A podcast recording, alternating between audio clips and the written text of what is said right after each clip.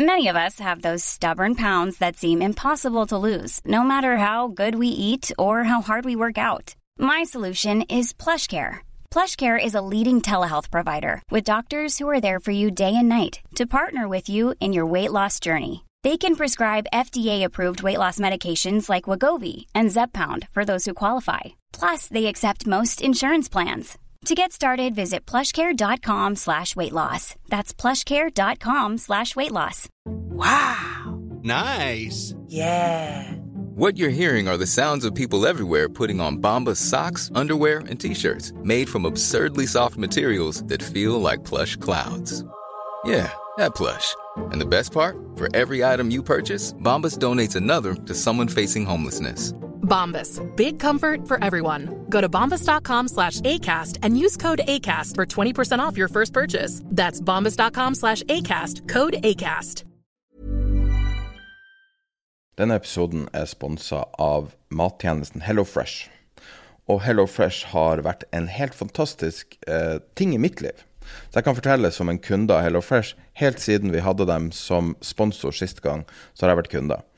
Og jeg har en haug med oppskrifter som bevis på det. Og jeg må si at HelloFresh er kanskje litt sånn misforstått, for man tenker sånn mattjeneste, det handler bare om innholdet, det handler bare om verdi. Begge de to er veldig bra. Veldig høy kvalitet på, på ingrediensene. Alt er så bra som egentlig man kan be om. Det er liksom en given. Det er alltid høy kvalitet. Matrettene er alltid interessante. Du kan jo også velge sjøl 25-30 forskjellige matretter. Men det som kanskje overraska meg mest, var hvordan det fikk meg til å føle meg. Spesielt jeg bor alene, men hvis du har familie, så tror jeg det er litt det samme. Det er der å finne ro med matlaging. Fordi at ofte så går man, lett, eh, går man for en lett løsning eller en enkel vei eller et eller annet. Noe av det er latskap, men noe av det er også at man bare ikke tenker på noe artig å lage eller noe nytt eller et eller annet. Det er vanskelig. Og med HelloFresh så får du så mye inspirasjon. Så hvis du blir kunde av HelloFresh, så tror jeg det er den eh, største tingen du kan gjøre. Hvis du går inn på hellofresh.no, trykker inn eh, kode 'tid er penger' i ett ord, så kan du få opptil 1668 kroner i rabatt for de første fem matkassene dine, hvis du ikke har prøvd HelloFresh ennå. Hellofresh.no. They mistook leverage for genius. Leverage for genius. I would recommend Japan. The governments don't rule the world. Goldman Sachs rules the world. Velkommen til podkasten 'Tid er penger', en podkast med Peter Warren. Dette er episode nummer 225. Jeg heter Sverre, produsent, og episoden i dag er sponsa av IG. Det har vi sagt mange ganger, for IG har vært med oss nesten fra dag én. Lite unntak eh, et år tilbake, men vi har i samarbeid med dem veldig lenge. Så IG har en eh, tradingplattform som er veldig bred og veldig vid. Så du har muligheter der som ofte kan være vanskelig å finne på tradisjonelle meglere, der du, du spenner deg over et bredt spekter. Så vi kan ta for oss det som heter Turbo24 i dag, som er et produkt som har visse likheter med ting som opsjoner og warrants, men som også har likheter med CFD-er, som da igjen spinner ut av aksjer. Det det er, er såkalt path dependent. Så det du eh, kan ta hensyn til når du skal, vil gjøre et eh, kortsiktig eller langsiktig økonomisk veddemål, så er det retninga på hva, om du forventer noe skal stige eller falle. Og så eh, når du investerer i det, så må du ta hensyn til at eh, på en måte den første, første bevegelsen må være riktig vei. Så eh, det at det, det kalles knockout warrants. Eh, så det vil si at du har et nivå der hvis du treffer det nivået, så blir du knocka ut. Altså den, den går i null. Så det er et produkt som egner seg godt for små beløper, der du f.eks. har mye tro på et eller annet skal skje, men du er ikke helt sikker. Og Da kan du også velge hvordan nivå du blir knocka ut på, og dermed hvor mye risiko du tar. Så med dette produktet så kan du uh, gå inn i alt mulig slags aksjer, spesielt i USA og i Europa, i store selskaper. Og så kan du velge akkurat den type uh, risikoprofilen du er komfortabel med. Når det kommer til indekser, så kan du eksponere deg for alle de store indeksene i verden. På valuta så er det alle de store valutaparene. På råvarer så er det olje, naturgass og, og gull. Og på kryptovaluta så er det bitcoin og eter. Sånn at med, de, med, det utvalget her så kan du allerede eksponere deg breit. Så for å se det her så kan du gå på ig.com no. Da starter vi episoden. Så i dag um, Vi har holdt på i noen hundre episoder, og jeg tenkte kanskje vi prøver å gjøre det en litt annerledes episode i dag. Og vi får jo inn mye spørsmål som kommer inn til deg, og av og til så har vi egne episoder på Patrion der du svarer på spørsmål fra lytterne. Um, jeg tenkte kanskje vi kunne gjøre en hel episode i dag der vi snakker om spørsmål som lyttere har, og der du kan svare på konkrete ting. Ja, kjør på. Det, er, det, det renner jo inn eh, med, med spørsmål enten Enten via felleskanaler eller uh, via, via Hva heter det? Uh, direkte.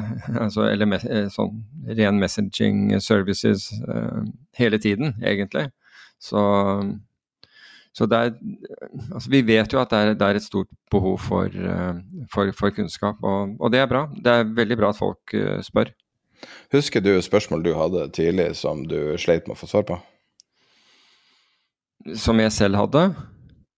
Altså, du kan si at jeg hadde jo altså, Da jeg begynte, så, jeg, så slet jeg jo med å få svar på, på, alt mulig, for jeg ante ikke hvor man skulle henvende seg. og, det, og, og du kan si at det, dette Da jeg begynte i finans, så var jo det lenge før, uh, før internett kom.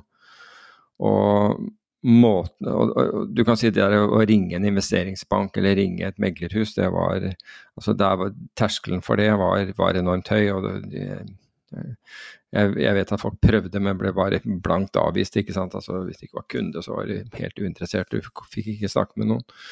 Så alternativet var jo, var jo faktisk biblioteket i, i mange tilfeller. Det å, å, dra og lese seg opp på, på, ting. Og det gjorde jo Men samtidig så må jeg jo si at det ga en annen eh, En mye bedre forståelse, og uh, lærdommen satt lenger. Det er klart at Hvis du først måtte komme deg på offentlig kommunikasjon inn til byen, gå gjennom byen til et bibliotek, slå opp det, det du var ute etter på biblioteket, og så sitte der og ta, ta notater, og, som du da tok med deg hjem og, og, og gjerne renskrev, eller, eller, i hvert fall brukte det til å brush up your kunnskap om, om, forskjellige, om forskjellige ting, så var jo Dermed satt jo den lærdommen. Og jeg vil jo si at i dag, hvor veldig mye er ett klikk unna, men samtidig så, så, er det ofte ikke verifiserte kilder. Altså I dag kan du jo sikkert taste hva du vil inn i, inn i YouTube, og så kommer det en såkalt ekspert opp. Og, og, og har laget en, en, video om dette. For det første så vet du ikke at vedkommende er, er en ekspert, og det er klart at når han sitter i sitter i en hullete genser i en rotete garasje og, og postulerer om, om, et tema, så, ikke, så, får du ikke nødvendigvis den største troverdighetsfølelsen rundt dette. Men, uh, men den, den, lettheten altså det, det, det, er så enkelt i dag. Altså jeg syns jo internett er fantastisk, jeg, jeg synes det, og jeg bruker det hele, hele tiden for, for, alt det har vært, bare så det er sagt. Men hvis, i dag er kritisk tenkning, etter min oppfatning, så utrolig mye viktigere enn det har vært tidligere, enn det var tidligere, fordi det var autoriteter som stort sett som skrev bøkene tidligere, slik at du visste du hadde en trygghet for at det du, det du leste og det du gikk igjennom, var i anførselstegn sannheten. Mens i dag så er det vanvittig mye støy der ute, det er punkt én. Så hvis du ikke har, har evne til kritisk tenkning og ønsker um, shortcuts på alt fordi det, det, det, er lett og det høres bra ut og, og alt, det, alt, dette her, hvis er hvis du setter det opp imot det å bruke tid og kritisk tenkning på, på det, du, det, du, får høre, så, så, så, tar du bare med deg støyen. Altså øh, nøyaktigheten av det du leser øh, forringes. Det er det ene. Og det andre er at det er så lett at du husker ikke, fordi det er ikke sånn at du tar med deg notater hjem og for det første har gjort notater, slik at det er en større sannsynlighet for at dette her har lagret seg i hukommelsen din. Uh, og da man kom hjem, så leste man det gjerne igjennom og forsto mer om det, og, ved det forsterket dette for, forsterket uh, det i eget minne. I dag så er det, er det quick fix unøyaktig, det, det, man, det, man, leser. Veldig upresist, eh, og noen ganger darn right feil. Og i tillegg så har det kommet til deg så lett at det blir ikke repetert verken ned på papiret, sånn som man, man, gjorde tidligere, eller at man tar det frem fordi man har egentlig bare fått svar på det, det man, man, skulle, og så går man videre.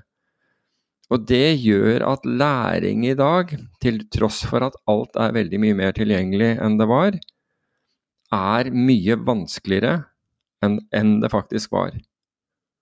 Og der har du faktisk oppskriften egentlig for, for å kunne gjøre det bra i, i bl.a. skoleverk og andre ting. Det er, altså det er to ting. Er noe, men nå drar jeg dette her langt, bare så det er sagt, men det gjør jeg fordi vi har, vi har litt tid. Det ene er distraksjoner. Vi har mye mer distraksjoner. Um, og vi gjør ikke og, og, vi bruker ikke hjernen på den måten som hjernen er, er uh, programmert til for, for, for, at læring skal sitte. Så vi høres geniale ut når vi, når vi svarer på noe umiddelbart eh, som vi har lest på, eh, på, nettet. Men tre dager senere så er antageligvis det, det der helt borte fra oss. Fikk vi det samme spørsmålet igjen, så husker vi det ikke. Det husker vi ikke svaret. Så sånne ting, eh, sånne ting bekymrer meg. Men samtidig så er de en mulighet altså for de som forstår dette, de som på en måte henger litt etter, de kan gjøre ganske enkle endringer for at de skal, for at de skal kunne lære mer og bedre og ha en større mulighet for å, for å kunne anvende det. Skal vi gå i gang med første spørsmål, da? Kom igjen. Um, vi bare begynner kronologisk. Nå som alle virker å være short volatilitet i markedet, og det samtidig virker veldig som at uh, the bear is dead, frister det å gå long volatilitet. Jeg lurer på, jeg lurer på hvordan dette bør gjøres best. Er det via opsjoner, type call på VIX? Hva mener du? Ja, det er, det er jo et alternativ. Altså kan du bare forklare noen begreper der, for det var en del begreper der. Hva det betyr å være short volatilitet, hva volatilitet er, hva VIX ja, er altså, osv. Vol volatilitet, um, og det, det, hjelper da sannsynligvis ikke at jeg, at jeg um, bruker uttrykk som, som standard er VIK, men det er rett og slett bevegelse. Short bevegelse. Så når markedet er veldig volatilt, så er bevegelsene store, altså store svingninger i markedet.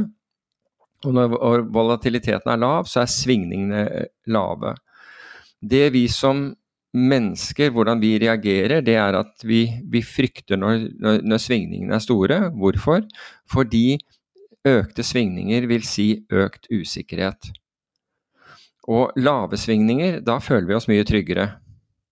Men av og til så er det slik at vi Og, og markedene beveger seg hele tiden fra uh, høye svingninger, store svingninger, til lave svingninger. Det er en del av hvordan markedet oppfører seg. Og, men det rare altså i, i, det hele er at vi, vi ofte Så når vi har veldig lave svingninger, og spesielt når de har vart over tid, så vet vi at atferden til aktører, aktørene i markedet endrer seg, og de rett og slett ødelegger det hegemoniet som man da befinner seg i.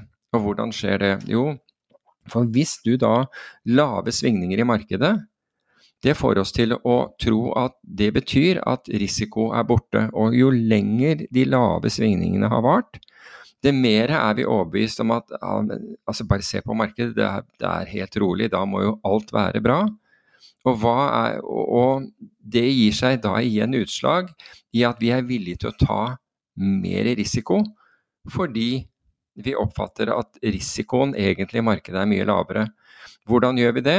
Jo, vi gjør det bl.a. ved å øke belåning. Ved å ta større posisjoner enn vi burde ha.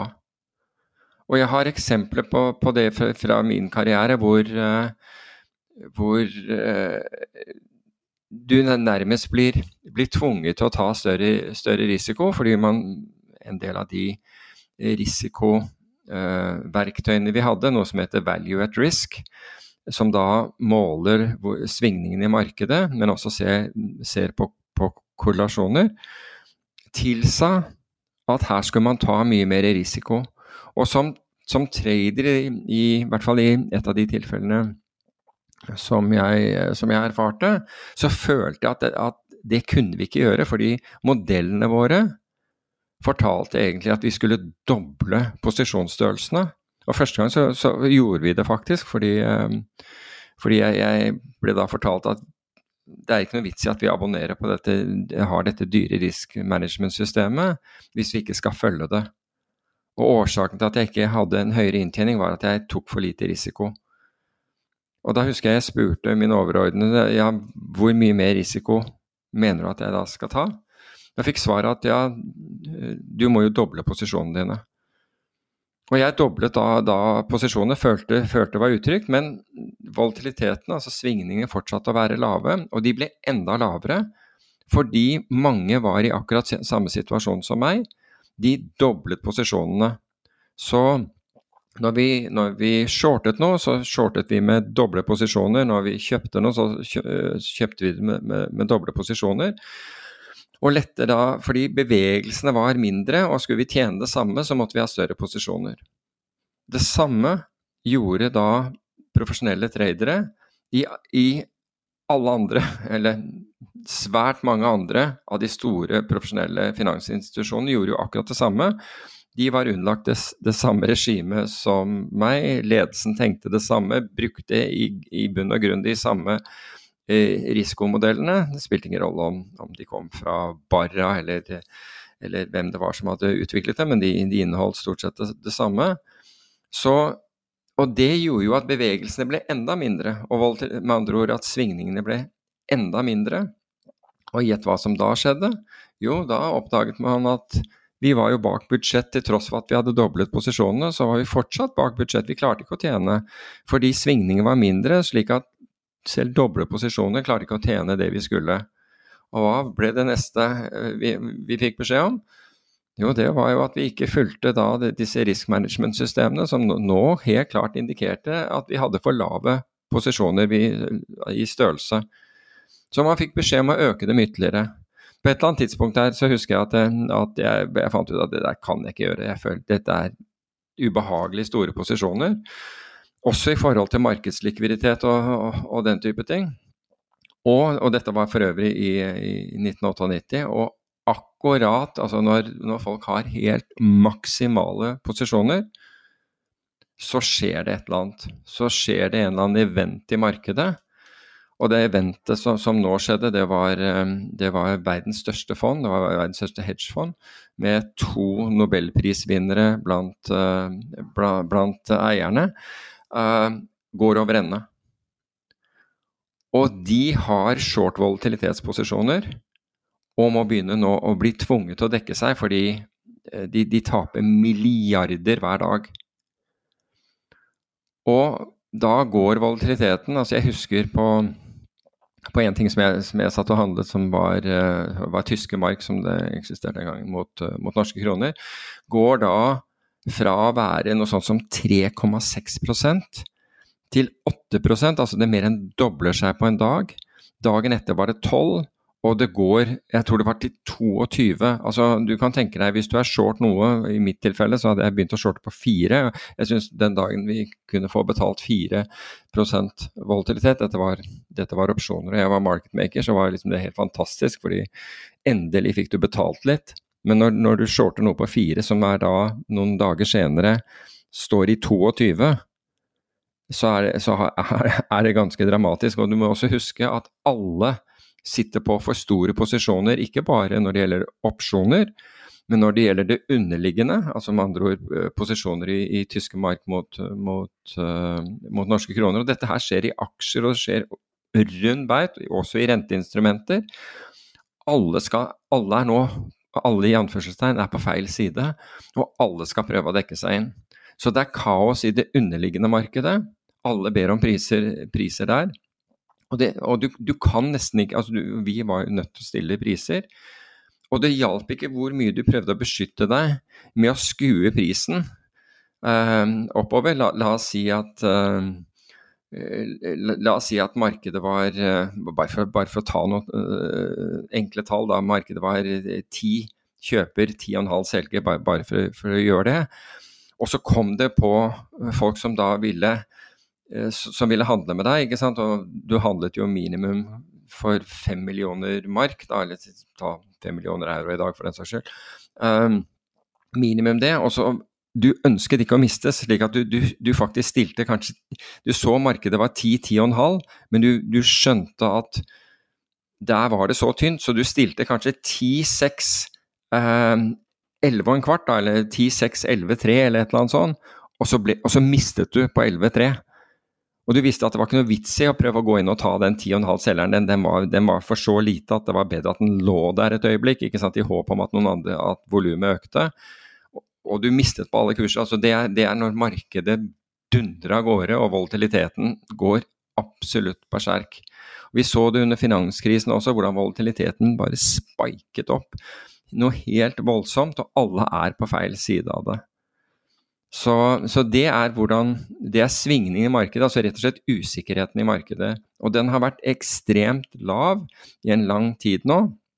Men så spør da vedkommende som har sendt inn dette spørsmålet, om, om ikke VIX-en er, er, det rette stedet. Altså det, VIX er da en indeks som måler usikkerheten, hvor mye usikkerhet som er priset inn i opsjoner rett og slett det vi kaller den implisitte volatiliteten, som er, en, som er den viktigste faktoren for, for, prising av opsjoner. Og Du kan da handle denne som, som da ikke går på retning.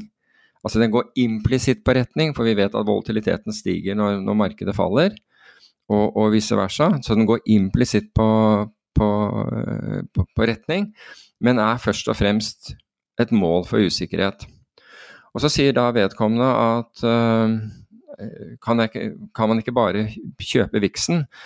Jo, altså det fins eh, terminkontrakter, altså future-kontrakter på, på viksen.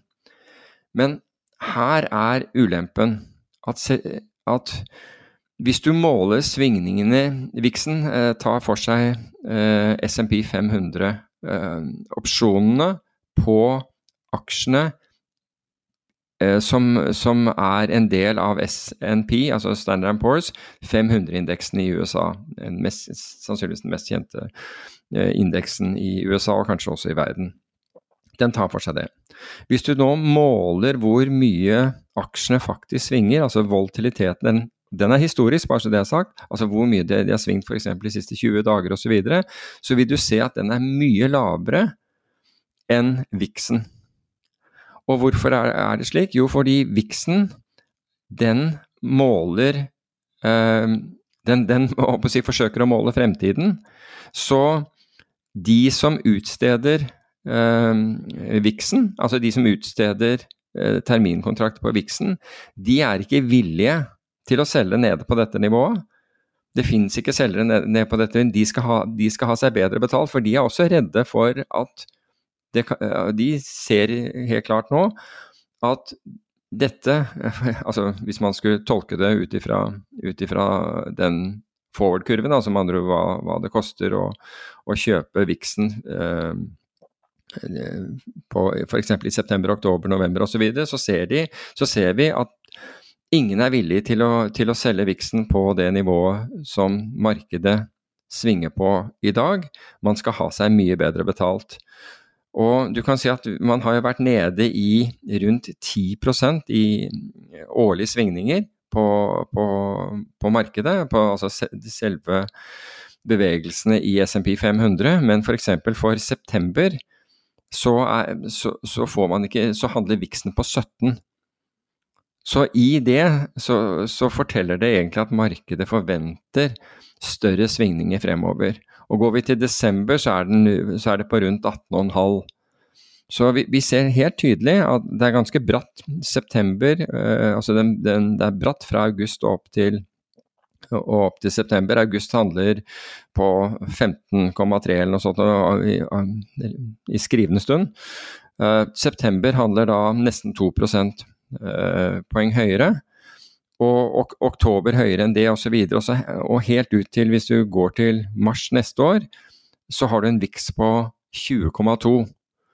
En VIX på 16, bare for å ta det, tilsvarer 1, 1 svingninger med to tredjedels sannsynlighet per dag. Og vi vet at vi har ikke hatt noen store bevegelser i VIX-en. Det er, unnskyld, i SMP 500. Det er rekordlenge siden vi så en bevegelse f.eks. På, på, på 3 Så, så svar vi Altså, det jeg forsøker å få frem eh, som en del av, av, svaret, det er at markedet allerede hensyntar større svingninger. Det, dette er hva vi kaller et contango-marked, og, og hvor hvor fremtidsprisene, altså forward-prisen, future-prisene, er høyere dess lenger du kommer ut på kurven. Vi har hatt VIX i backwardation, og det hadde vi, det hadde vi i, i, i, 2008, altså da midt under finanskrisen. Da hadde du, da hadde du en VIX på, på over 60 den korte VIX-en, men den falt dramatisk Uh, utover i tid. Altså allerede på 60 dager uh, frem i tid, så lå den på 35. Så da har vi hva, hva vi kaller en, en, en, backwardation. Da trodde markedet at da var det den short-inndekning av volatilitet. Folk løp etter volatilitet for å, for å kunne beskytte seg. Dvs. Si at de, gjør, altså de er villige til å betale veldig mye for opsjoner for å, for å klare å, å, å, dekke risikoen sin. Men markedet anser at liksom 60 dager frem i tid så, så vil, så vil akutt, det akutte behovet øh, sannsynligvis ha, ha, ha, ha, blitt redusert. Men, men, men du, det skal sies er at VIX forward-kurven har tatt feil i lang, lang tid. altså Fordi du har hele tiden måttet betale, og folk har vært villige til å betale mer jo lenger du kommer, altså jo lenger det er til, til, til, til, forfall. Men nå går vi inn i høsten, og da ser du at kurvene har blitt noe brattere. Fordi høsten har Det er mulig at dette her sitter igjen fra, fra 1987, hvor, eh, hvor, du hadde hvor krakket inntraff. Det vi kaller Wall Street-krakken, inntraff i, i, oktober. Så det kan være at det er, det er, det er sånne, sånne effekter. Men jeg tenker jo at det, det, er, jo, det er, to ting du, du, kan gjøre. Du kan kjøpe VIX for all del, for vi vet jo ikke hva den er. Vi vet hva markedet priser den til. Altså, og da Det er liksom Prisen på VIX er den, den kollektive oppfatningen av markedsaktørene i øyeblikket. Um, der hvor kjøper og selger møtes i, i, uh, i øyeblikket. Be den behøver jo ikke å være riktig, den kan være basert på mange ting, sånn som at man ønsker rett og slett å, å, å, å hedge seg mot f.eks. at, at uh, viksen, eller usikkerheten, øker voldsomt, og er villig til å betale for det. Jeg er villig til å liksom putte på noe der, sånn, slik at ikke Hvis det, det, det som er gærent skjer, eller det som hvis det verste skjer, så er jeg i hvert fall beskyttet. Så det kan være ut ifra et motiv, et slikt motiv. Du har posisjoner, du ønsker å sitte med de du ønsker å sitte med aksjer, obligasjoner og, og, og det du har, også, men du vil sikre deg mot økt volatilitet. Og så kjøper man no, noen VIX future f.eks. For, for forfall oktober, november eller desember i år. Det er helt uh, mange, mange tenker slik, uten at det betyr at de nødvendigvis tror det. Men det er klart at hvis du har solgt unna alt det, det du har og kjøper VIX, så, er, så, vil det jo være fordi du tror at, du, at nå kommer det til, til, å gå. Men det vi vet om det Altså jeg vet ikke hva, hvor, hvor, hvor VIX-en lander i, i oktober, bare, bare, så det er sagt, men, men, det vi vet, det er at dette, dette er helt likt at å, å forsøke å å, å, presse sammen en fjær. Det mer vi presser den sammen, og fjæren da representerer i dette, i dette tilfellet uh, usikkerheten i markedet, det mer du presser dette sammen Når det først glipper, så blir reaksjonen desto større. Og det, og det vi har, er at og det vi ser, og vi ser da posisjoneringen, er, som da, som da spørrer her er inne på, er at folk er veldig short volatilitet.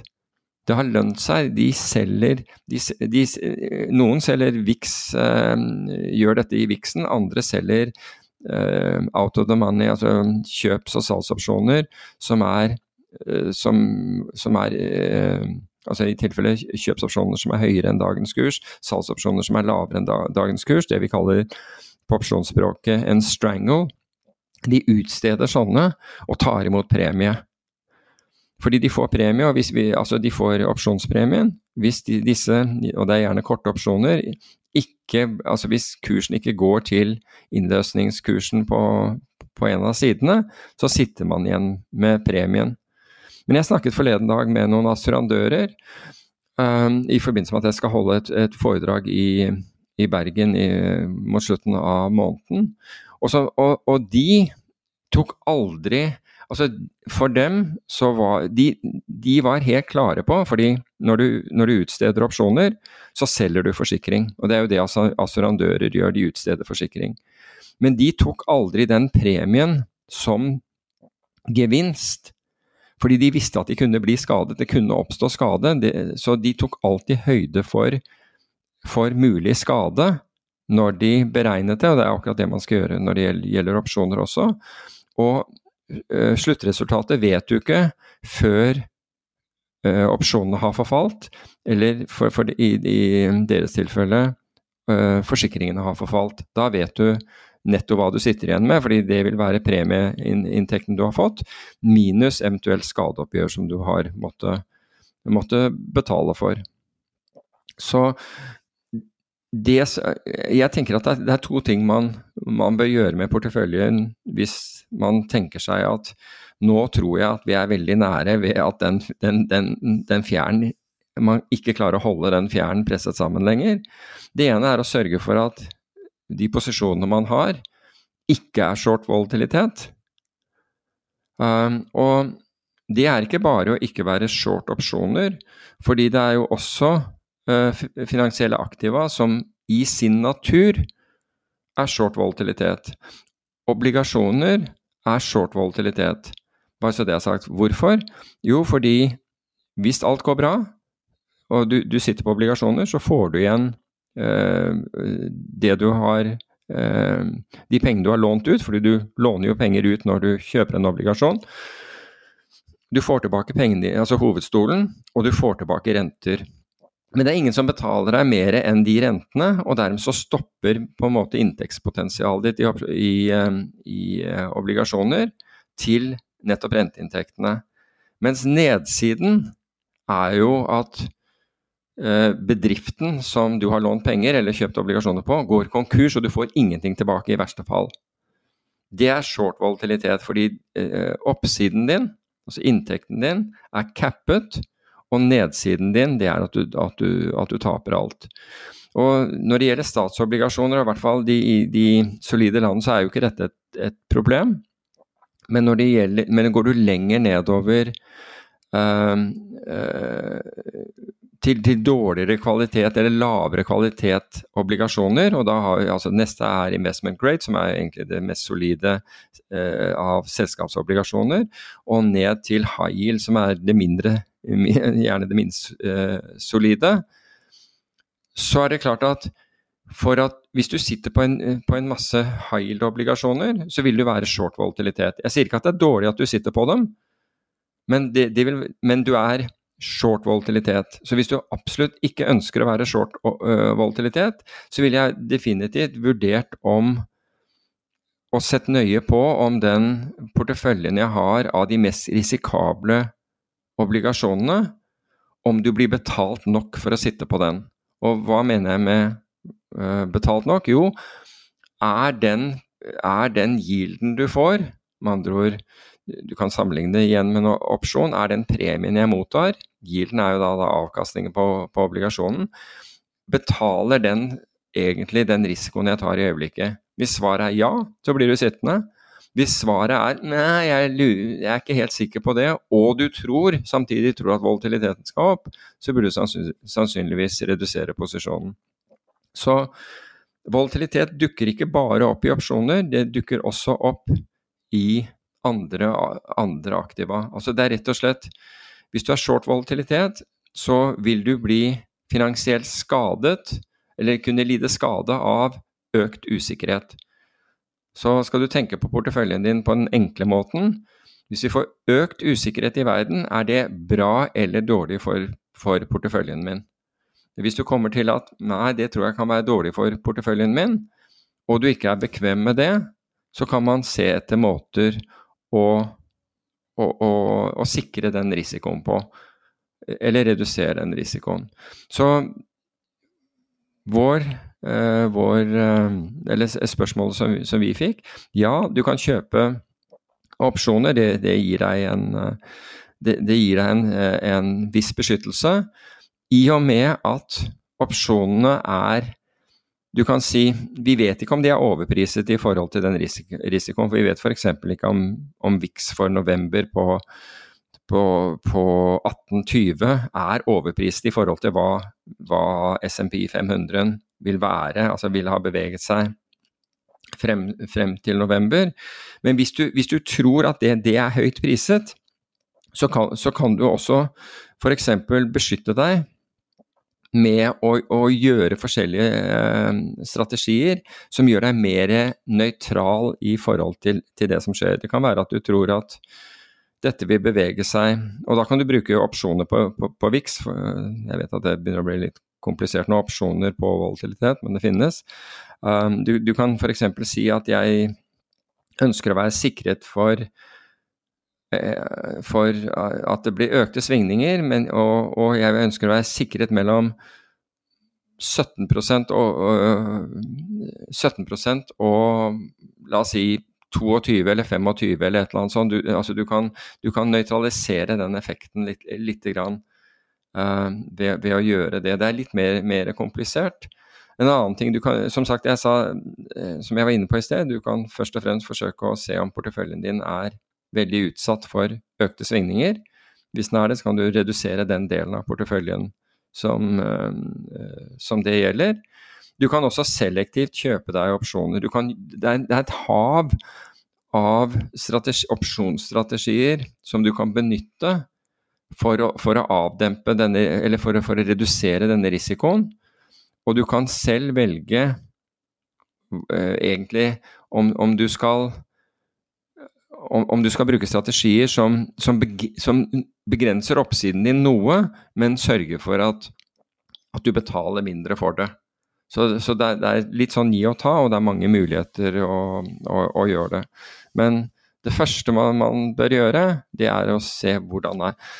Hva, hvis, og det kan være at du er utsatt på andre områder enn det du tror også. Altså Hvis du får en voldsomt økt usikkerhet nå, hvis jeg trodde f.eks. at voldsomt økt usikkerhet gjorde at jeg, at jeg Da mister jeg jobben. Fordi vi har ikke mye cash i øyeblikket i selskapet. Det går liksom Det er litt tunge tider her, f.eks. Og økt usikkerhet vil gjøre at, at investeringslysten går ned. Da kan man jo tenke seg at man eh, på samme måten ville man kunne beskytte seg gjennom å kjøpe opsjoner, på, ikke på, på, på, jobben din, uh, med mindre det er et børsnotert selskap, men, men sannsynligvis ikke. Uh, men, men, rett og slett fordi den økte usikkerhet vil gi seg gjenstand i finansmarkedene, og du vil kunne tjene penger i, i finansmarkedene samtidig som altså hvis, hvis det verste utfallet, utfallet, skjer. Så det kan brukes til mye rart. Her er et uh, hvitt vidtrekkende eh, spørsmål. Um, alle kjenner jo til 'by the rumors, sell the news', uh, men når man leser analyser, nyheter og meninger, snakkes det ofte om det jeg opplever som first order effect. Selskapet forventer økt inntjening, så aksjen skal opp. Uh, renten uh, går opp, så DCF-kalkyler ned, og aksjen skal ned. Man snakker aldri om second order effect, men det er jo alltid det man ser i markedet. DCF kan du forklare som discounted cashflow, bare så det ja. CPI går opp, uh, ergo går markedet opp fordi sentralbankene er forventet å skru opp renta. Bad news becomes good. Dette minner meg veldig om poker, hvor man skal, ikke skal spille en hånd, uh, men man skal spille hånd du tror motstanderen din tror du har. Mm. Og dette går noen nivåer ned hele markedet har eh, med sine modeller, AI osv. beveget seg eh, noen nivåer ned de siste årene, eller har det alltid vært slik? Ja, Det har for så vidt alltid vært slik at uh, Jeg tror de som har vært i, i finansmarkedene over en viss tid, helt klart innser at det er ikke nødvendigvis tallene som betyr noe, og endring på tall som betyr noe, men hvilke, hvilke psykologiske endringer det påfører oss. Altså rett og slett emosjonelle, den emosjonelle responsen.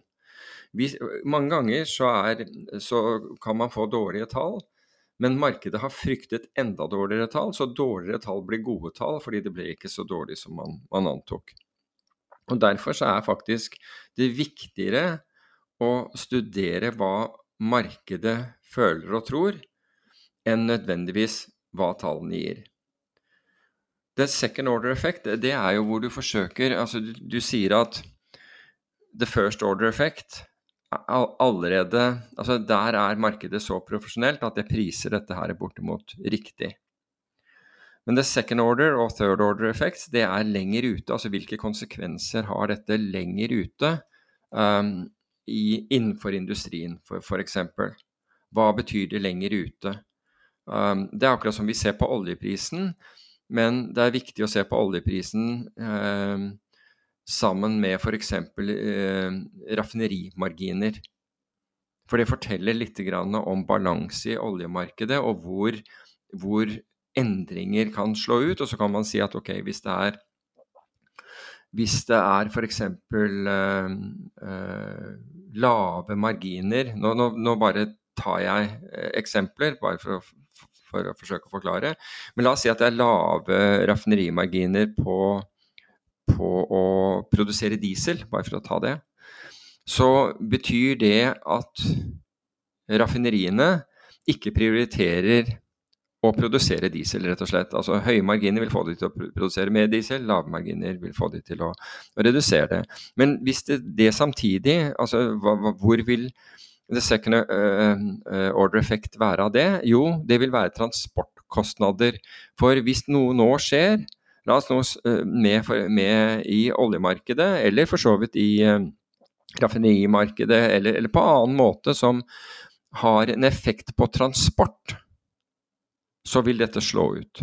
Der kan det slå kraftig ut. F.eks. hvis dieselprisene flyr til himmels, øh, så vil det ha en stor effekt på transportkostnader, som igjen vil ha effekt på, øh, på, på prisene av produkter. Og så kan man da begynne å se på hvilke produkter er mest sårbare. Hva, er, det vi, er det vi transporterer med, med, med, med trucks? Og nå går jo båter delvis på de, de, bruker jo mer råolje enn noe annet. Men det, det er egentlig å, å, å, gå lenger og se hvor er det dette her kommer til å slå ut i økonomien. Hvor er virkelig uh, the impact av dette kjennes hvis, hvis det blir store endringer uh, i ja, f.eks. i dette her, i mitt eksempel dieselprisen. Og det som er, er jo at dette har jo vært området for veldig mange hedgefond over lang tid, er nettopp slike ting. Det er å forsøke å finne ut hvor the second and third order effects vil være, og posisjonere seg der hvor ikke folk ser, og der hvor ikke folk følger med. Men du nevnte, eller uh, spørreren nevnte uh, eh, AI i forbindelse med dette. Og AI har gjort ting enklere, fordi nå for det, det, handler jo rett og slett om, om korrelasjon. Altså hvis dette skjer her, så hvilke effekter altså hvor, Hva er det som korrelerer med det? Og AI er jo nettopp, forsøker jo nettopp å avdekke korrelasjoner. Det er altså Istedenfor å bruke if-setninger for å komme frem til et, et, svar, så ser AI på massevis av data og, og forsøker å finne sammenheng mellom disse dataene, dataene med andre ord korrelasjoner mellom data. og det, Da kan det dukke opp ting som man ikke har tenkt på. Jeg har nevnt da second and third order effect, sånn som transport og, og, og disse varene, men det kan være enda lenger ute. Og AI er et fantastisk verktøy til å finne, finne slike effekter. For konkurransen er blitt mye større om the first and second order effect, så nå må vi faktisk lenger ut på kurven. Men nå som AI er blitt så mye mer tilgjengelig, så, så gir det jo anledning for selv mindre investorer å følge med på det. Dette norske selskapet Exabel er, er jo, driver jo akkurat med det. De driver med et analyseverktøy hvor man kan putte inn forskjellige datasett og finne ut sånne ting som second, third order effect. Hvorfor? Jo, fordi man mener at konkurransen i markedet har Altså alle, alle kan lese regnskap, det er jo ikke, er jo ikke sant, men du, du, kan si at den, de tilgjengelige dataene vi har, og det er blitt så mye mer til, tilgjengelig bl.a. pga. internett, så, så det er en den, den tids det tidsgapet mellom noe ble annonsert og til markedene reagerte, har bare blitt kortere og kortere. Og med high frequency trading så er det mange ting man ikke Du klarer ikke å komme inn. Du, du vil være for sein hvis, hvis, du ikke sitter med en, eh, med en eh, bot selv som, som, hiver seg inn i markedet på, på, på, et eller annet nøkkelord som blir, blir, blir sagt over en Twitter-feed eller, eller, hva som helst. Så hele poenget er at det som er first order effect, og, og, kanskje opp til eh, second order effect nå, det er nærmest gjennomanalysert. Og det er veldig vanskelig å finne en edge, altså noe som en, en fordel ut av de dataene. Men hvis vi tar større datamengder, så kan vi da finne disse, disse tingene. Uh, så kan vi la AI jobbe med å finne disse tingene for oss. Volian, det hedgefondet som uh, befinner seg Eh, rett utenfor MIT-campusen i, eh, i eh, Nord-California, Berkeley, driver med dette. Det er, det, det er hele deres, deres businessmodell. Og de bruker da AI og ML til hele tiden å crunche tonnevis av data nettopp etter second, third, fourth order effects. Og de sier at vi vet ikke hvorfor dette virker. altså de tar mange, mange små uh, posisjoner på dette her. Men, men vi, vi, ser jo at, at, de, at, de, har virkelig De, uh, de gir eh, en, en, virkelig god avkastning. Og det er akkurat på sånne ting. Ikke analysere det som alle andre har øye på. Og som sagt, AI gjør det mulig for oss å, uh, å, å, å hive inn datasett. Og vi, vi kan ta utrolig mye data og, og prøve å, å, å, finne, å, finne sånne små gullklumper som, som andre har oversett. Er, altså, tenk deg at du er i, at du er i en elv og, og forsøker å, finne gull. ikke sant? Du står, jeg heter ikke siphon, hva, hva, det heter på norsk, altså når du står der og vannet renner gjennom ja, altså, siler og, og, dette her. Og, og, det er å gjøre det verktøyet, altså det AI gjør, er å gjøre, er et sånn uh, superior, altså et mye bedre verktøy til å forsøke å finne disse små, små gullklumpene. Her er et uh, spørsmål som en kar som har gått tilbake i arkivet på Patrion. Vi hadde et, for en, uh, et års tid siden et intervju med Mark Dow. Eller mm. muligens vi, jeg tror vi kanskje vi la det ut åpent i, i vår feed. Så det er kanskje derfor han har hørt det. Uh, spørsmålet Jeg er veldig fersk innen finans, men intervjuet med Mark Dow var noe veldig annet enn jeg har hørt til nå. Jeg ble veldig nysgjerrig på hvilke synspunkter Peter er uenig med Mark i. Uh, egentlig, egentlig, kun ett. Jeg er veldig enig i, uh, i det aller meste, men, men, vi har et helt forskjellig syn når det gjelder, når det gjelder bitcoin. Altså han er, han er, som deg helt anti anti-bitcoin, anti men, mens jeg mener at, at, mye av den kritikken som han har mot bitcoin, kunne du egentlig anvende mot, mot Fiat-valuta. Altså valuta uh, som produseres av, av sentralbankene, er jo ikke bakket opp av noe som helst lenger. Er, altså du, BNP er en, en en størrelse som endrer seg hele tiden, og vi har ikke noe gullstandard, og du kan bare trykke mer og mer penger. Og jeg syns at historien har vist, og spesielt de siste ja, to-tre årene, altså da man virkelig satte i gang pressen igjen, at det, det er ingen fornuft bak når, når, du trykker mer og mer penger på de samme underliggende verdiene, la oss, si, la oss kalle det eh, bruttonasjonalproduktet til, til landet. altså Det må jo være noe bak der. Det er ikke, gull, det er ikke gullreserve lenger, det er ikke noe sånn håndfast. liksom, Men du trykker mer og mer penger på, eh, på, på, på basert på de samme verdiene, så skal verdien av pengene bli redusert. Altså hvis du hvis du satt med gull for 1 million, 100 millioner dollar, bare for å ta et tall, så kunne du liksom utstede valuta tilsvarende det, og det ville være greit. Men hvis du doblet, hvis du bare satte i gang eh, seddelpressen og, og doblet antallet, antallet, dollar du trykket, og du har fortsatt 100 millioner dollar i gull, og, og, og det, er, det, er, på en måte det som finansielt backer eh, pengene dine, så skulle i teorien så skulle dollaren dine blitt halvert. Altså i verdi. Og tenk, på, tenk, på, en bedrift når de har en emisjon Altså Hvis de dobler antall aksjer med det samme resultatet, altså med, med den samme, eh, samme egenkapitalen, så halveres eh, kursen bortimot. Og det samme burde vi, vi, se, men vi gjør ikke det. og Derfor så er valuta er åpenbart kun trust. Altså det er hvor mye du stoler på det eller ikke. Og den den, eh, den, tilliten som vi gir til sentralbanken og valutaen, og, og valutaen den kan endre seg og, og, og bør endre seg uh, over tid. Så fast forward til, til, bitcoin. Husk på at bitcoin oppsto da under finanskrisen.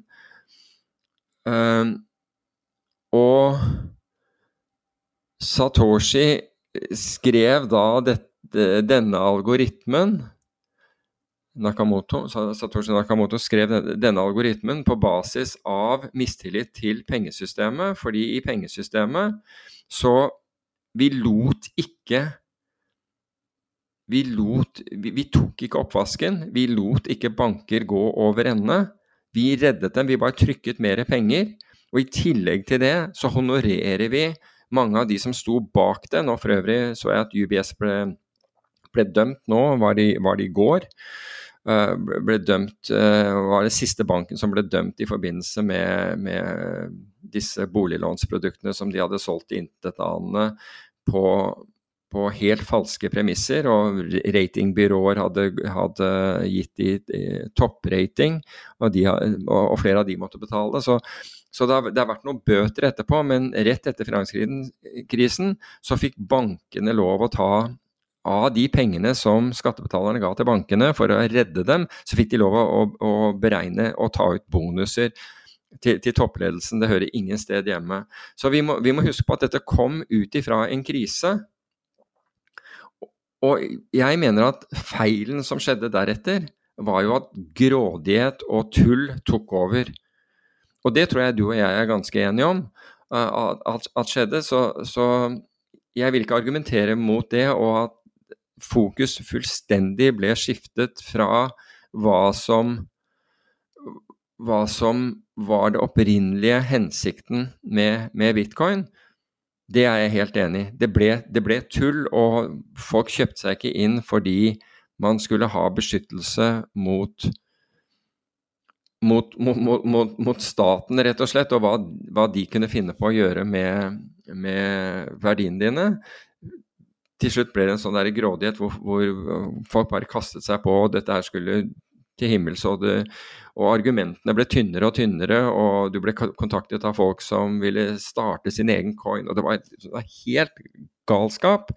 Men likt det der med det første spørsmålet i dag, med høy volatilitet eller lav volatilitet, så, så var det ikke mulig å komme frem med motargumenter, kritisk tenkning. Altså, du ble du ble mobbet for kritisk tenkning da, det, da denne galskapen sto på, på, som verst, og det merket vi jo begge to.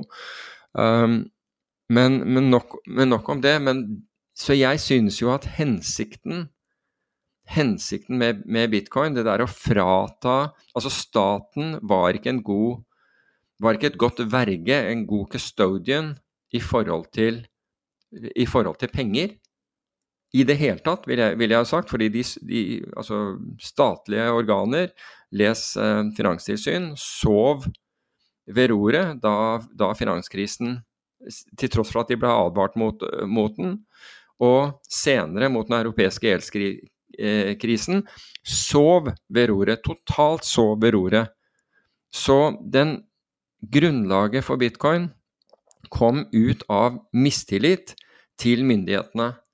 Og så kan vi argumentere med, med, med, alt det andre, og vi kan også argumentere i forhold til, til use cases og alt mulig sånn. Jeg mener at fokus ble skiftet til galskap istedenfor å, for å fokusere på disse uh, use casene. Så, men jeg, jeg, tror i bunn og grunn, altså, og, og det så du for bankene begynte å bli engstelige for hva dette kunne gjøre, for det ville frata bankene enorm makt.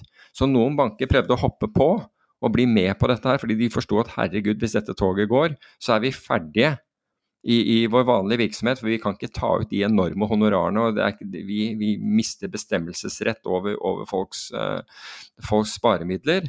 Så du så at det, at det, ble en endring der.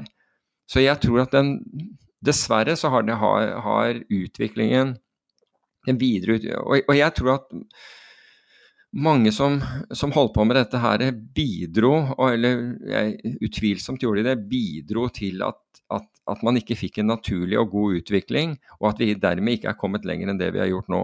Fordi fokus ble flyttet til, til ren grådighet og, og, tull, og det dessverre har, uh, har ødelagt mye. Ikke, ikke, for meg grunnlaget, uh, men, men det er klart at når børsvolumet har falt med noe sånt som 85% altså transaksjonsvolumet av, av, bitcoin. Det, I seg selv så kan, det, kan i hvert fall en, en reduksjon av det være, være sunt, men, men, antall kontier som, som sitter på én bitcoin eller mer, har, har jo steget. Altså, vi, vi, får se hvor, hvor, dette går. Men det korte svaret på, på intervjuet med, med, Mark Dow er at det var det punktet hvor jeg var, er uenig med han, eh, uenig med han i. Og det øvrige han, han sier, er jeg, er jeg, helt på linje med. Er det mulig for investorer å belåne kjøp av statsobligasjoner, i så fall hvordan? Gjerne ved bruk av amerikanske toåringen som eksempel. Svaret er ja, det er det, men du kan si at i og med at hvor, hvordan skal, altså Jeg kan fortelle deg hvordan du kan gjøre det veldig enkelt, og det er å kjøpe en future-kontrakt. For i en future-kontrakt så stiller du bare en viss uh, antall uh, prosent i uh, margin, og det er det samme som belåning. Så, så, det vil du kunne gjøre, men da eier du en future-kontrakt som, som, du absolutt kan konvertere til, til, obligasjon hvis du sitter med den over forfall. Men der er det mulig å gjøre, og det, det kan du sikkert også gjøre med CFD osv. Men, og her kommer det, i og med at renten er så høy som den er, den korte renten i USA er jo høyere enn en langrenten. Altså Vi vet at toåringen handler jo, uh, handler jo var det, ca. trekvart prosent høyere enn f.eks. tiårsrenten. Så for at dette her skal være fornuftig, altså hvis du, hvis du går til en bank og, og, og, og stiller amerikanske toåringen som, som, sikkerhet, så er jo det en, en veldig god sikkerhet. Men lånerenten er 5 i hvert fall. Pluss den marginen du får. Så jeg, jeg, er ikke overbevist om at det vil lønne seg for deg å gjøre det. Men alternativt så kunne du låne tiårspenger, men dette er jo ikke noe som egentlig private investorer Du kunne gjort, gjort det gjennom future-markedet der også, um, hvor du da betaler en lavere rente for, for tiårspenger, og du har plassert disse i, i toåringen, så du ville, du ville, få marginen. Men det er ikke slik at du får, at du, du får lånt billig og kan plassere i toåringen den amerikanske toåringen dyrt i øyeblikket, dessverre. Men lånefinansieringa av dem, det er, det er, rett og slett bare å kjøpe en future-kontrakt, en CFD eller, eller, eller, noe tilsvarende. I finans er det viktig å det, I finans er det vanskelig å velge riktig retning på veddemålet, ofte vanskeligere å treffe blink. Jeg stusser ofte når jeg får høre at veddemål settes opp i par, f.eks. long Netflix short WB, som var diskutert i en episode tidligere, eller long valuta x short valuta y, er det åpenbar synergieffekt på veddemål i par, for i mitt hode ser det ut som et parveddemål medfører vesentlig mer risiko, all den tid det er mer enn dobbelt så vanskelig å treffe på to enn på én bet. Hvorfor ikke bare vedde eh, mer på å trade én enn å blande inn trade to? Ja, godt spørsmål. og Jeg forstår hvor vedkommende kommer fra. Når, bare for å ta det siste først, valuta.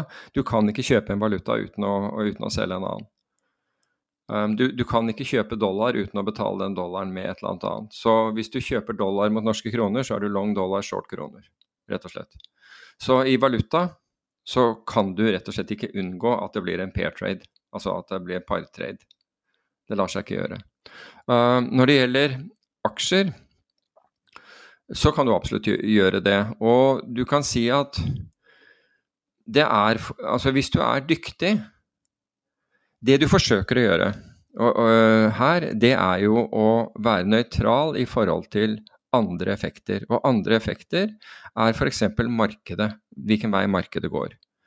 Så hvis du mener at selskap A er underpriset og selskap B er overpriset, så vil du ved å, ved å, kjøpe selskap var det, eh, var den, ja, Nå husker jeg ikke hvilken jeg sa var, var overpriset. Var det av, jo, av var, var, den med, med lave, lavest pris. Så kan du da gjøre denne, denne partraden, og hvis du gjør den dollarnøytral eller betanøytral, altså be, i, i, forhold til uh, hvilken, hvilken øh, utvikling de har i forhold til markedet. Har du beta 1, så, så, utvikler den seg akkurat som det underliggende markedet.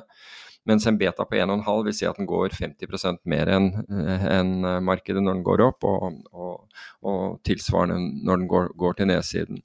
Så det er rett og slett for å krystallisere um, analyse så, som man har gjort. Altså, og Av og til så finner vi de, disse selskapene, og noen fond gjør dette kontinuerlig fordi de vil ikke ha markedsrisiko. De ønsker ikke, og de mener at markedsrisikoen er mye mer tilfeldig, men de er gode på analyse av, de, av selskaper. Hedgefondet Millennium, som er et kjempestort hedgefond, amerikansk hedgefond som, som, også har, eh, som har eh, dealingrom i, i London og, og, i mange andre, eh, mange andre land. Der, der, de forvalterne der får beskjed om at beta, de betales ikke for beta i det hele tatt. Hvis du har beta i porteføljen, så, så er, du, er, du, ut. De skal kun ha kvaliteten av ren forvaltning. Så men det er jo sånn at hvis du kjøper et dårlig selskap i, i, et marked som suser til oppsiden, så kan det hende at du blir trukket med oppover. Um, du vil sannsynligvis få enda mer juling når, når, når, det går nedover. Men det er rett og slett fordi er, til tider så er det åpenbart at noen selskaper er overprist i forhold til andre, og så vil du ta hele markedet ut av det. For la oss si, Du, du kunne jo f.eks. hvis du mener at et selskap er, er overpris, så shorter du det markedet i et dundrende bull market oppover, altså hvor, hvor indeksen stiger kraftig. Da kan du risikere at det, den aksjen blir trukket med oppover.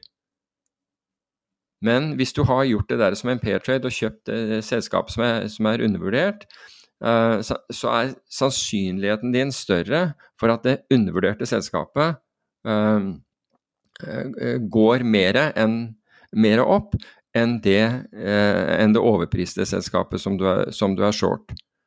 Så du, gjør, så, så du, slipper egentlig på, på mange måter um, å tenke på hva, hva som skjer i markedet, markedene for øvrig. Du mener at et selskap har vanvittig potensial, og et annet har, liksom, er, er, helt overpriset i forhold.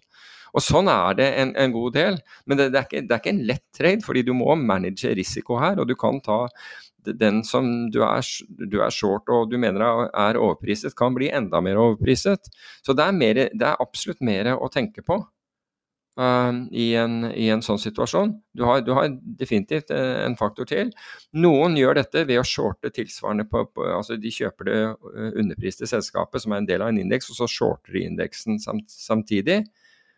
Um, det er en måte, må, måte, å gjøre det på også. Men da vil du ikke få alfa fra shorten din. For hvis, her er, hvis du har rett, så, så, så, skal det selskapet du har, du har, kjøpt gå opp, og det selskapet du har shortet gå ned. og Du, du, du får da alfa, altså merverdi på begge, begge sider av handelen, hvis du har, hvis, hvis har vært dyktig, dyktig, på dette her. Men, eh, men det, er, det, er, klart at dette her er opplagt et hakk mer eh, komplisert enn å bare gå og kjøpe en aksje, for, å, for å si det på den måten.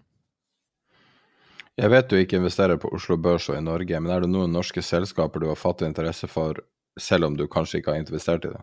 Um, ja, altså det, det, er mange gode selskaper på, på, på, Oslo, på, Oslo, Børs. Og både av det, det, kan være nye selskaper så vel som, uh, som, som uh, selskaper som har vært der en, en, en periode. Men, men for meg så er det mer det å I og med at jeg er en makroinvestor, så er det mer å se hva er det som foregår i verden. Um, hvis f.eks. jeg tror at, uh, som jeg har gjort en, en periode uh, nå, at, at, olje var undervurdert i forhold til uh, i, i, forhold til det som foregår i aksjemarkedet for øvrig, så vil det være å lete blant oljeselskapene. ikke sant? Typisk sånn Equinor og, og, og se, se på, på disse. Så, men det er, det er, ikke som om jeg har noe favorittselskap eh, på, Oslo, på, Oslo, Børs. Jeg, men jeg, jeg, jeg, må jo si at jeg, finner glede i å se eller å, å lese hvordan ledelse justerer seg i mange selskaper, er flinke til å justere seg i forhold til endringer. Eh, endringer i verden og endringer innenfor deres industri, men også andre ting. Noen er virkelig sånn uh, løfter, løfter blikk og ser, uh, ser fremover. Um, og altså, ja, Nå skal jeg ikke gå tilbake til Equinor, men Equinor er jo blant, blant disse som på en måte helt klart forstår at, at uh, energi og måten vi bruker energi på, våre kilder, kommer til å endre seg over tid, og forsøker da å endre seg i, i, eh, ikke bare i takt med dette, men være i, i forkant av, eh, av, eh, kurven.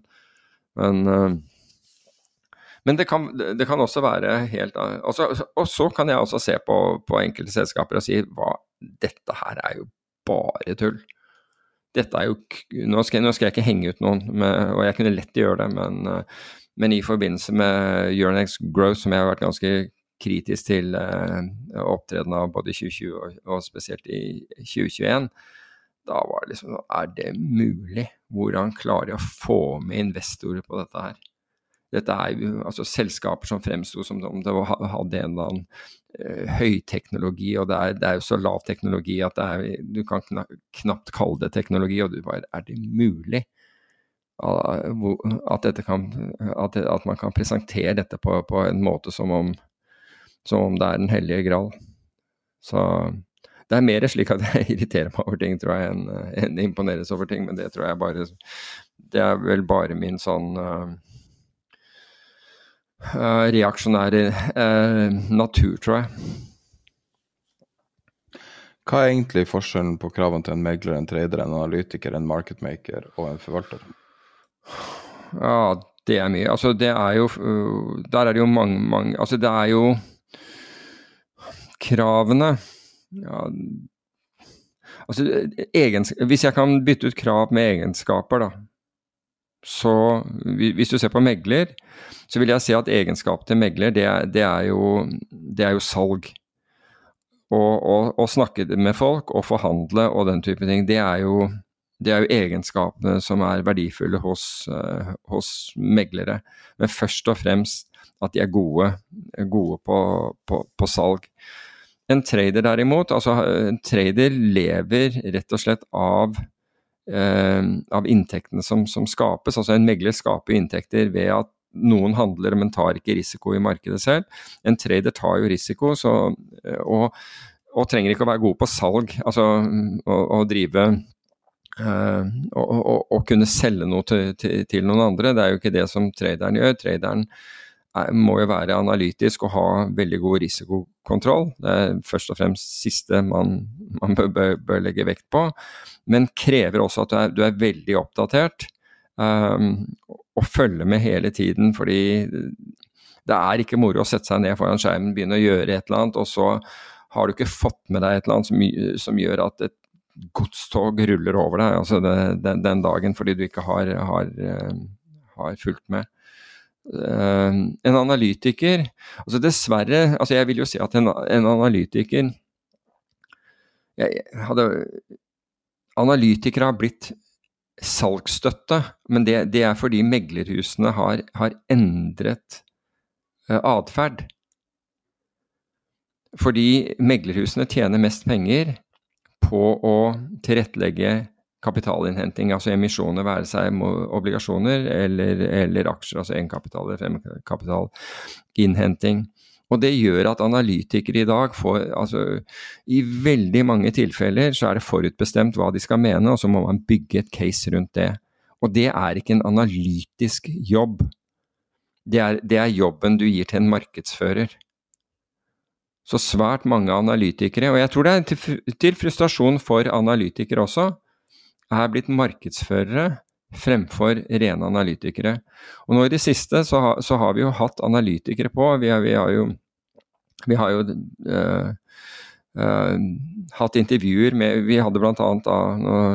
Kjetil Hatlebrekke, men, men også Bente Wahl, altså, som forklarer analyse og forklarer altså dette, det rent kliniske, hvor, hvor det er innhenting, bearbeiding, analyse, bearbeiding av data, analyse, repeat, som, som, foregår hele tiden, uten at du har bestemt deg for hvor du skal med dette her. Det, du lar, du lar eh, analysen din avdekke hvor, hvor, hva du skal, hvilket estimat, hva du tror om, om, om om, det du analyserer.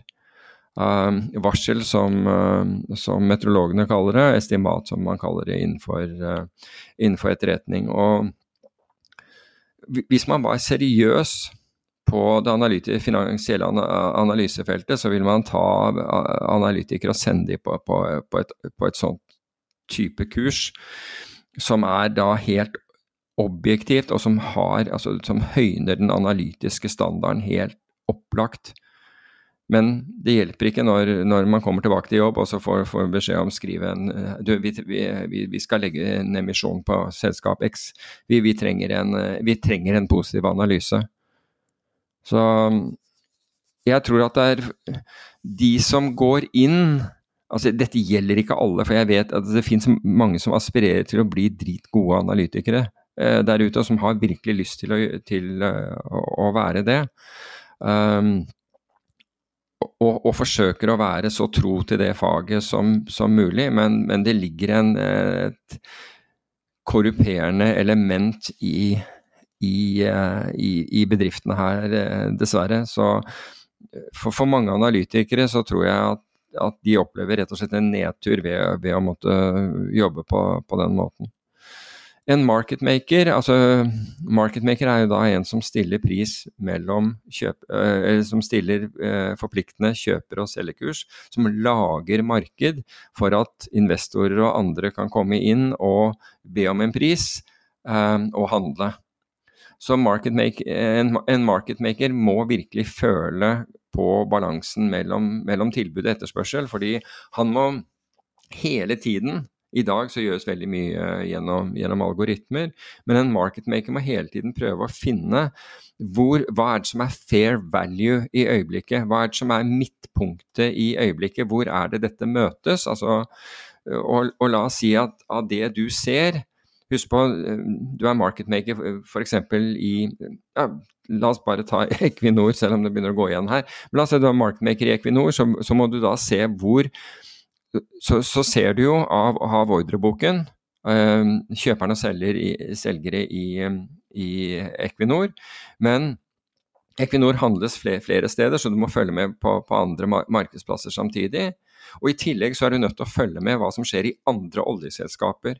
Så du må ta inn all den informasjonen for å vite nøyaktig hvor er det jeg skal Hva er fair value i øyeblikket? Hvor, hvor er eh, riktig hvor, hvor, balanserer eh, Equinor i øyeblikket. Og så stiller du kjøpekursen din litt under og selgekursen din litt over. Fordi du skal prøve å leve av den, denne, denne spredden. Og så forandrer ordreboken seg, så handler, så handler noen, og så, så, så, justerer du deg. Så og det, det, samme vil gjelde den som er marketmaker i Equinor opsjoner. Sitter da, har da enda et lag altså, å, å, å følge med på. Og, og sånn sitter du og, og følger med. Og så, og så, tar du selvfølgelig til deg de som ringer deg direkte og f.eks. sier at vi er, jeg trenger en pris for 5 millioner aksjer, eller 10 millioner aksjer, som da kan være en pris som avviker litt fra børskursen. Den kan være litt over, eller, eh, altså hvis det er selger, eller litt avhengig av hvor mye som er på børs. Og Hvilket du da vil si til vedkommende, markedet er tynt eller et eller annet sånt, jeg kan stille deg en eller annen pris, og så sier vedkommende OK, mine. Altså jeg, jeg tar 10 millioner aksjer på den kursen du har. Og det er klart at nå har du som marketmaker den informasjonen inne at det er villig, stor villig kjøper på det nivået. Det er også forskjell om vedkommende sier full amount til deg eller ikke. Hvis vedkommende sier jeg skal ha Equinor, 10 millioner Equinor full amount, så vet du, altså hvis de gjør det, så vet du at den kjøperen kommer ikke til nå Altså de som er villige til å handle med deg, kommer ikke til å fortsette å handle. Det, det er ikke som de har 200 millioner aksjer de skal kjøpe og har ha tatt deg inn, og har tatt deg som en av dem. Så det der full amount er ganske viktig å, å, å, få med seg, veldig viktig i valuta. Og spesielt når man kanskje noen kom inn og ba om 50 eller 100 millioner dollar i et eller annet. ikke sant? Altså Hvis det ikke er full, så kan du forvente at de ringer ti andre og tar de ut på, på, på, på samme side. Og nå konkurrerer du da med med ti andre om å, om å prøve å, å, få tilbake, i dette tilfellet Equinor eller valuta som det var, var uh, den gangen. Så du må hele tiden avlese den, den balansen som er i markedet. Og, så, og, når du har da fått en posisjon, så, så må du da vurdere blir jeg sittende på denne her, eller begynner jeg å skalere ut av den med en gang? Eh, hvis, det var, eh, hvis det var Equinor, da bare hengt meg opp i den, så jeg skal, jeg skal, jeg nå kjøpe noe andre oljeselskap? Skal jeg, skal jeg nå gå inn og kjøpe eh, dekk 20% av, av, denne risikoen med, med, et, med et, oljeselskap Unnskyld.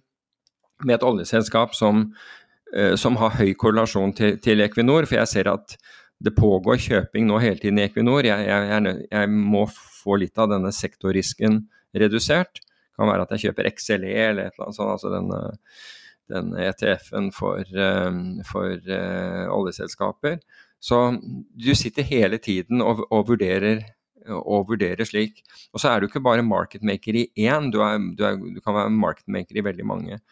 Men fra den tiden hvor, hvor jeg holdt på som marketmaker, hvor det var vesentlig eh, telefon, og, og, åpne linjer. I dag er, gjøres jo dette her av algoritmer. Så marketmakerne i dag, de er mer riskkontrollerende. Så de, de, algoritmene stiller prisen på basis av de tingene jeg akkurat nevnte. Veldig mye eh, realtid eh, av, av, analyse av ordreboken. Så da finner den en midtkurs, altså programmet ditt. Data, datamaskinen, altså algoritmen din, finner da den, den fair value, stiller kjøper under, selger over. Et eller annet forandrer seg i ordreboken, og på et millisekund senere så, så justeres dine priser i, i, henhold til det. Og så sitter da marketmakeren og følger med på hva det er som skjer, og ser om boken begynner å bli tiltet i en eller annen, i en eller annen retning. Altså begynner jeg å bli veldig short, eller begynner jeg å bli veldig long? I tilfelle så må jeg begynne å, å, å jobbe meg ut av dette her. Så hvis, hvis, du begynner å bli veldig tiltet på en side, så må du jo rett og slett ta noen andres priser, så jeg får redusert den risikoen. Fordi eh, i løpet av en dag så kan du, kan du jo altså Du handler jo kontinuerlig, og det kan være betydelig risiko du blir påført hvis det, Og spesielt hvis du, ikke, hvis du har tolket, eller, eller, programmet ditt, algoritmen din, har, har, har tolket uh, fair value feil. Men da kan du også tvike den. Så hvis du, hvis du sitter og, og, ser på det, så, så, så, kan du si ok, nå, nå, nå, nå begynner jeg å bli short. Fair value pluss pluss 0,2 eller et eller annet sånt. Så den kalkulerte fair valuen vil da få lagt inn 0,2 uh, eh, på den kontinuerlig, altså slik at, du, at, kjøpekursen din vil være høyere, selgekursen vil være høyere. Helt inntil boken din er i balanse igjen, hvor du liksom går til da, denne, denne fair value. Så det er veldig forskjellig skillset. Men uh, alle disse kan jo kommunisere sammen, bare, bare, så det er sagt. Altså, meglere roper ofte til marketmakere hva, hva, hva, de ser. Uh, marketmakere uh, ser et eller annet spesielt skjer i markedet og roper til meglerdesken uh, hva, hva, de ser, som da megleren kan, kan bruke overfor for, for kunder som, uh, som f.eks. megleren vet har, har, et ønske om, om, å handle i den aksjen eller den valutaen eller hva det måtte være den, den dagen. Og så til slutt til, til forvalter. Altså forvalter, der handler det jo også om å om å ha rett da, og, og, få markedet til. Men det, det, kommer jo litt an på hvordan du forvalter. Altså En indeksforvalter, den, er, der er det jo en datamaskin som, som, rett og slett styrer hva som skal kjøpes og selges til enhver en tid. Og det er i henhold til vektingene på indeksen og kapitalen i fondet. Så der, der blir det å påse at det skjer.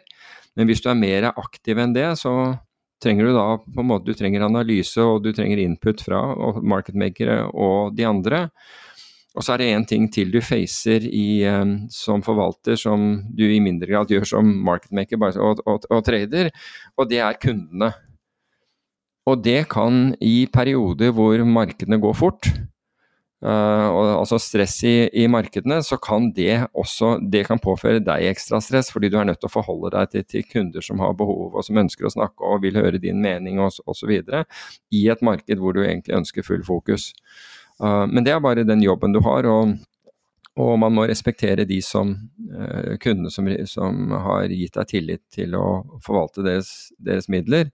Så, det, så, så, så det, er, det, er, jobben. Altså, det kan føles stressende til tider, men, men det, er, det, er, jobben. Så det er vel de, uh, de profesjonene du nevnte. Siste spørsmål. Hvordan kan man bruke teknisk analyse i investering og trading? Ja, altså Først og fremst så kan du, kan du jo benytte altså det, det, ene er at det avdekker på en måte følelsene, emosjonene og det som foregår i markedet. Teknisk analyse er jo ikke noe annet enn en, en, grafisk fremstilling av det som foregår på, på børsen i øyeblikket.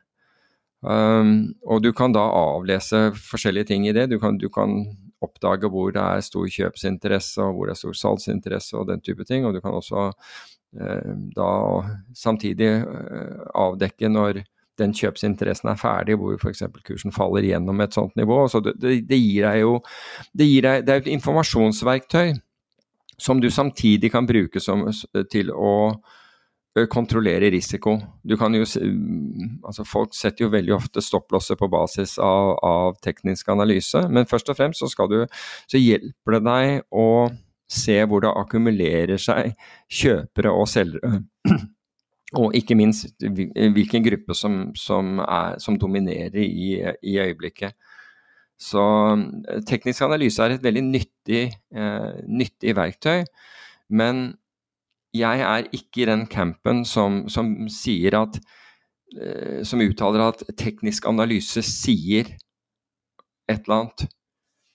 Uh, jeg er ikke der, der, i det hele tatt, fordi det er du som analytiker eller du som trader, forvalter eller hva det er, som skal tolke dette. Og vi som mennesker er forskjellige, og dermed så tolker vi, dem, uh, tolker vi signalene forskjellig.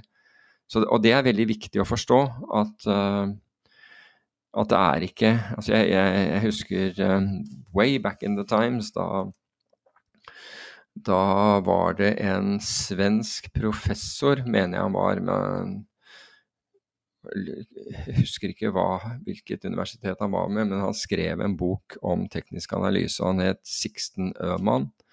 Og Kapital, eh, tidsskriftet Kapital, eh, kom over han og begynte å publisere hans analyser. Og her var det rene sånne mekaniske kjøps- og salgssignaler det gikk. Og Sixten Øhmann, eh, han fremsto som den som hadde funnet opp, opp noe som het point of figure Eh, charting, altså form for teknisk analyse. Krysser for når kursene steg, og nuller når de, når de falt. Men i virkeligheten så hadde Øman vært mer enn gjennomsnittlig sleip, for han hadde bare tatt den, eh, den ideen fra en amerikaner som het Abe Cohen, som først kom laget dette, dette systemet. Men be that as it may, Sixten Øman, jeg tror mye takket være kapital, fikk en veldig Eh, fikk en veldig standing. Uh, I Norge, Norge på dette tidspunktet var helt nytt til teknisk analyse, så det var veldig få som egentlig tror jeg fulgte det. Men, men Kapital gjorde en ordentlig innsats for å, for at, for at dette skulle bli bedre kjent. Men, men, men Sixten Øhmann han fikk da denne her, den, denne claim to fame. Og, og tradet angivelig veldig mye i markedet selv, og så husker jeg at uh, Jeg tror det endte med at han hadde tatt et fly, og jeg tror det var et, Interskandinavia, men i hvert fall når han landet i København og så på, på markedet, så var han konkurs. Så mens han var i lufta, så gikk eh, markedet motsatt vei, og på det tidspunktet hadde han en så stor posisjon at, uh, at, uh, at han gikk over ende, rett og slett. Så men, eh, men det, var, det, det, tror jeg var opptakten. Og, og Fukt og Fukt børsanalyser, som jeg selv arbeidet i og senere ble partner i, de var jo de første som uh, laget tidsserieanalyser i Norge. Altså lage, første som laget en database for børskurser. Det fantes ikke i Norge i det hele tatt. Vi laget den databasen og, laget, og fikk laget programvaren som da gjorde det mulig å, å å uttrykke dette her både på skjerm og på, og, på, på, på papir. I en chartbok som, som vi utga eh, som het The Oslo Stock Market. Så um, du kan si at jeg, det, er, det, er, det, er, de som fortsatt ikke bruker eh, teknisk analyse og er helt fundamentale. Og det må man gjerne gjøre. altså Bruke det som virker. Jeg, selv ville jeg brukt T-blader hvis jeg hadde sett signifikant gode resultater ved å, ved å bruke det. Så det, jeg har ingen sånn prejudice i forhold til eh, bruken av det. Men teknisk analyse eller chart gir deg en veldig god eh, oversikt over hva som skjer i markedene og det er veldig, veldig lett å lage. Men det jeg ser er at, og i hvert fall folk som er nye, de, de legger så mange indikatorer oppå, altså for ulike tekniske indikatorer oppå disse chartene, at uh, det til, til, slutt blir nesten meningsløst.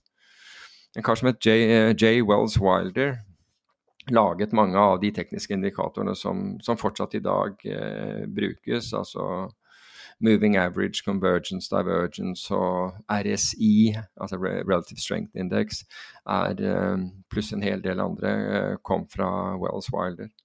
Jeg var, eh, jeg var, på kurs med han i Amsterdam en eller annen gang på, på, på 80-tallet, så jeg fikk treffe han.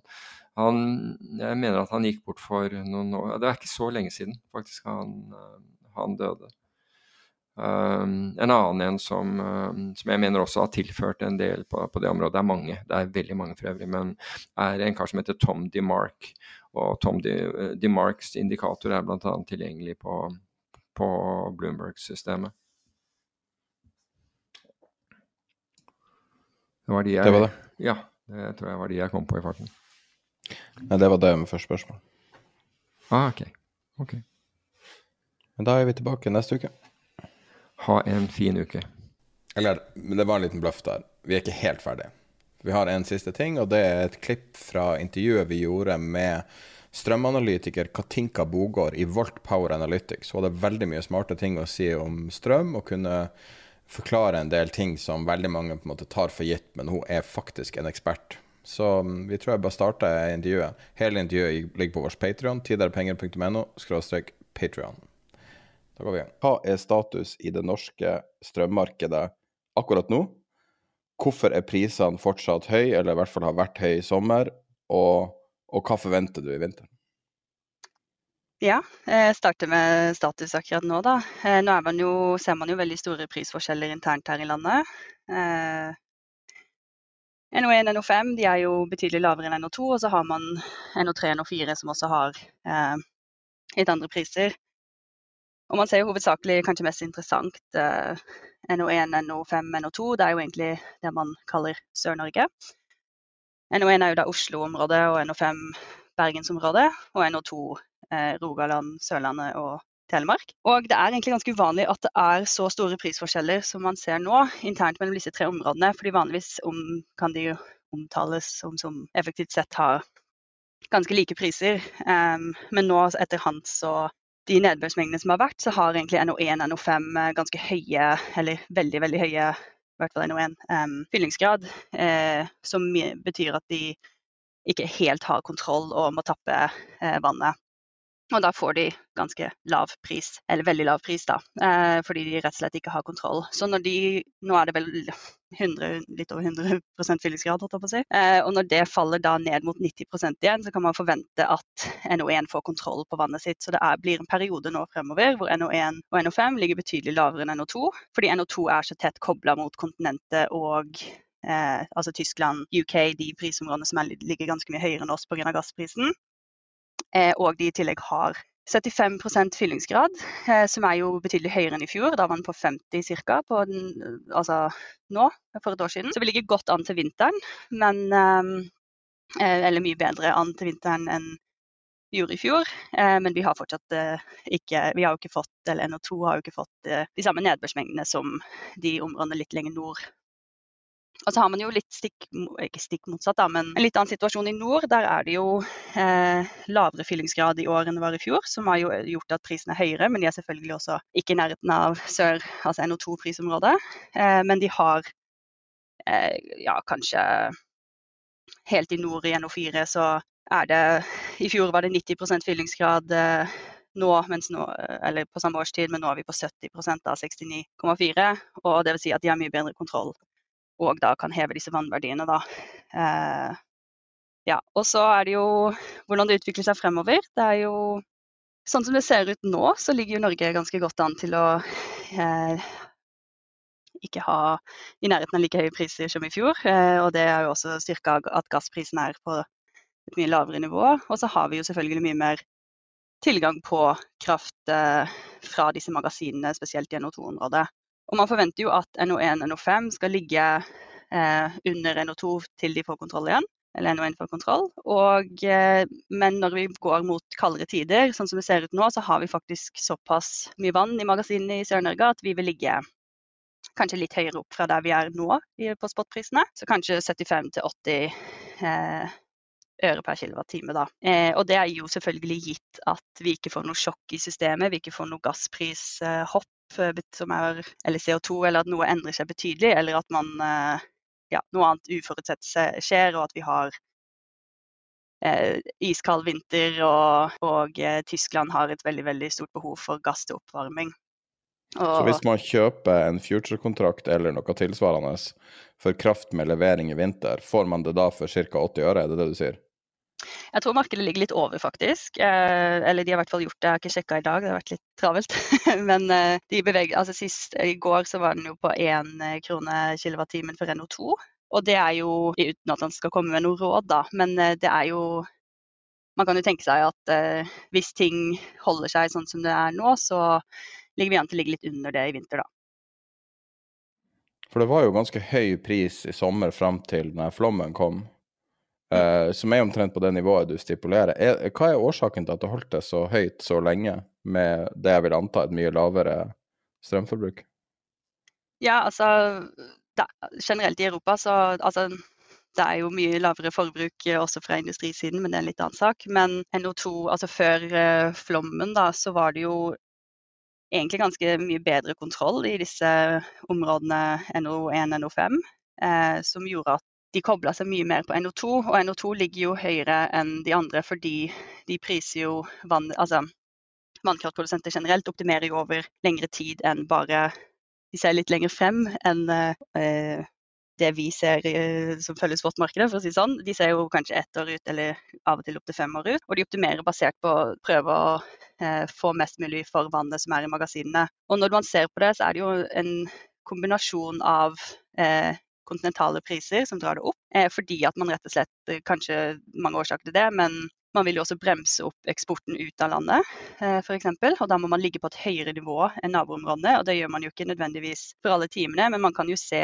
noen nattestimer f.eks. at det er brukt som på en måte for å bremse opp at vi ikke eksporterer for mye vann. da. Men det har jo holdt seg høyt fordi at man har god kontroll, og at man ligger jo under kontinentale områder. Eh, men at, eh, ja, at flommen har gjort at fyllingsgraden gikk såpass opp og de mista kontrollen på vannet at eh, ikke kontroll, men at de har ikke den samme evnen til å bremse opp og fylle opp magasinene, for det er ikke mer plass, rett og slett. så har prisene kollapsa i NO1. Når du nevner eksport, da, er det mulig å regne Det er jo noe som veldig mange har veldig sterke meninger om. Men er det faktisk mulig å regne hva prisøkninga er, la oss si over de siste to årene, pga. eksport? Jeg tror man kan regne på det. Eh, det er ganske omfattende Eller Statnett har jo noen eh, flaskehalsinntekter eh, som gir i hvert fall en indikasjon på hvor mye de får inn fra prisforskjellene. Og så tror jeg at man kan, uten at jeg har gjort det nå, da, men man kan jo alltid estimere med bruk av disse modellene for kraftmarkedet, se effekten av jo, naboområdene, ja. Uten at jeg vil si noe mer om akkurat effekten i kroner per kilowattime. Um, det har vært mye snakk om um, om det er en mulighet for å ha en fordeling mellom uh, Altså ha norske priser og utenlandske priser for norsk strøm. Finnes det noen tekniske mekanismer som kan fordele kraft slik at uh, norske borgere og norske bedrifter er sikra nok kraft, og til en eller annen fornuftig pris som minner litt om uh, fem år tilbake i tid? Ehm, er det noen tekniske måter å gjøre det på? Er det i det hele tatt mulig å gjøre det? Eh, det er litt eh, Altså, man har jo Statkraft har jo mange på en måte eh, altså, retningslinjer for hvordan de skal produsere og hvor mye vann de skal ha i magasinene og sånne ting. Så de har jo alltid en eh, de skal, altså, Det er jo regulert at de må følge, de må følge disse eh, reglene, da. Eh, uten at jeg kan egentlig så mye om akkurat den biten der, annet enn at de har minimumsnivåer de ikke kan gå under. Um, og for å svare på det med om vi kan få priser, eh, om det er noen måte å få priser tilbake på det nivået som var for fem år siden, det tror jeg skal veldig mye til. Jeg tror egentlig ikke det er eh, noe man kan håpe på fremover. Og så er det jo litt viktig å trekke frem at uh, den situasjonen som var i fjor, var jo, eh, altså med gasskrisen, var jo veldig eksepsjonell. Eller veldig altså Det var jo det verste perfect storm eh, av en kombinasjon av ting som kunne gå galt. Så de nivåene vi så i fjor, tror jeg ikke vi ser igjen eh, over så lang tid, men kanskje noen enkelttimer når det er veldig knapphet av strøm i systemet. Men jeg vil jo tro at det er liten sannsynlighet for at noe sånt skjer, også kommende vinter. Men at vi har høyere priser fordi vi er litt tettere kobla mot kontinentet fremover. Og sånn som markedet funker, så er det jo alltid den billigste kraften som blir eh, brukt først i hele Europa basert på disse utenlandskablene og osv. Så, videre. så man må da, da må disse eh, vannkraftprodusentene heve vannverdien for å bremse opp den eksporten, og sånn at vi sikrer at vi har eh, forsvarlig drift av systemet. da, Ikke tappe magasinet for mye.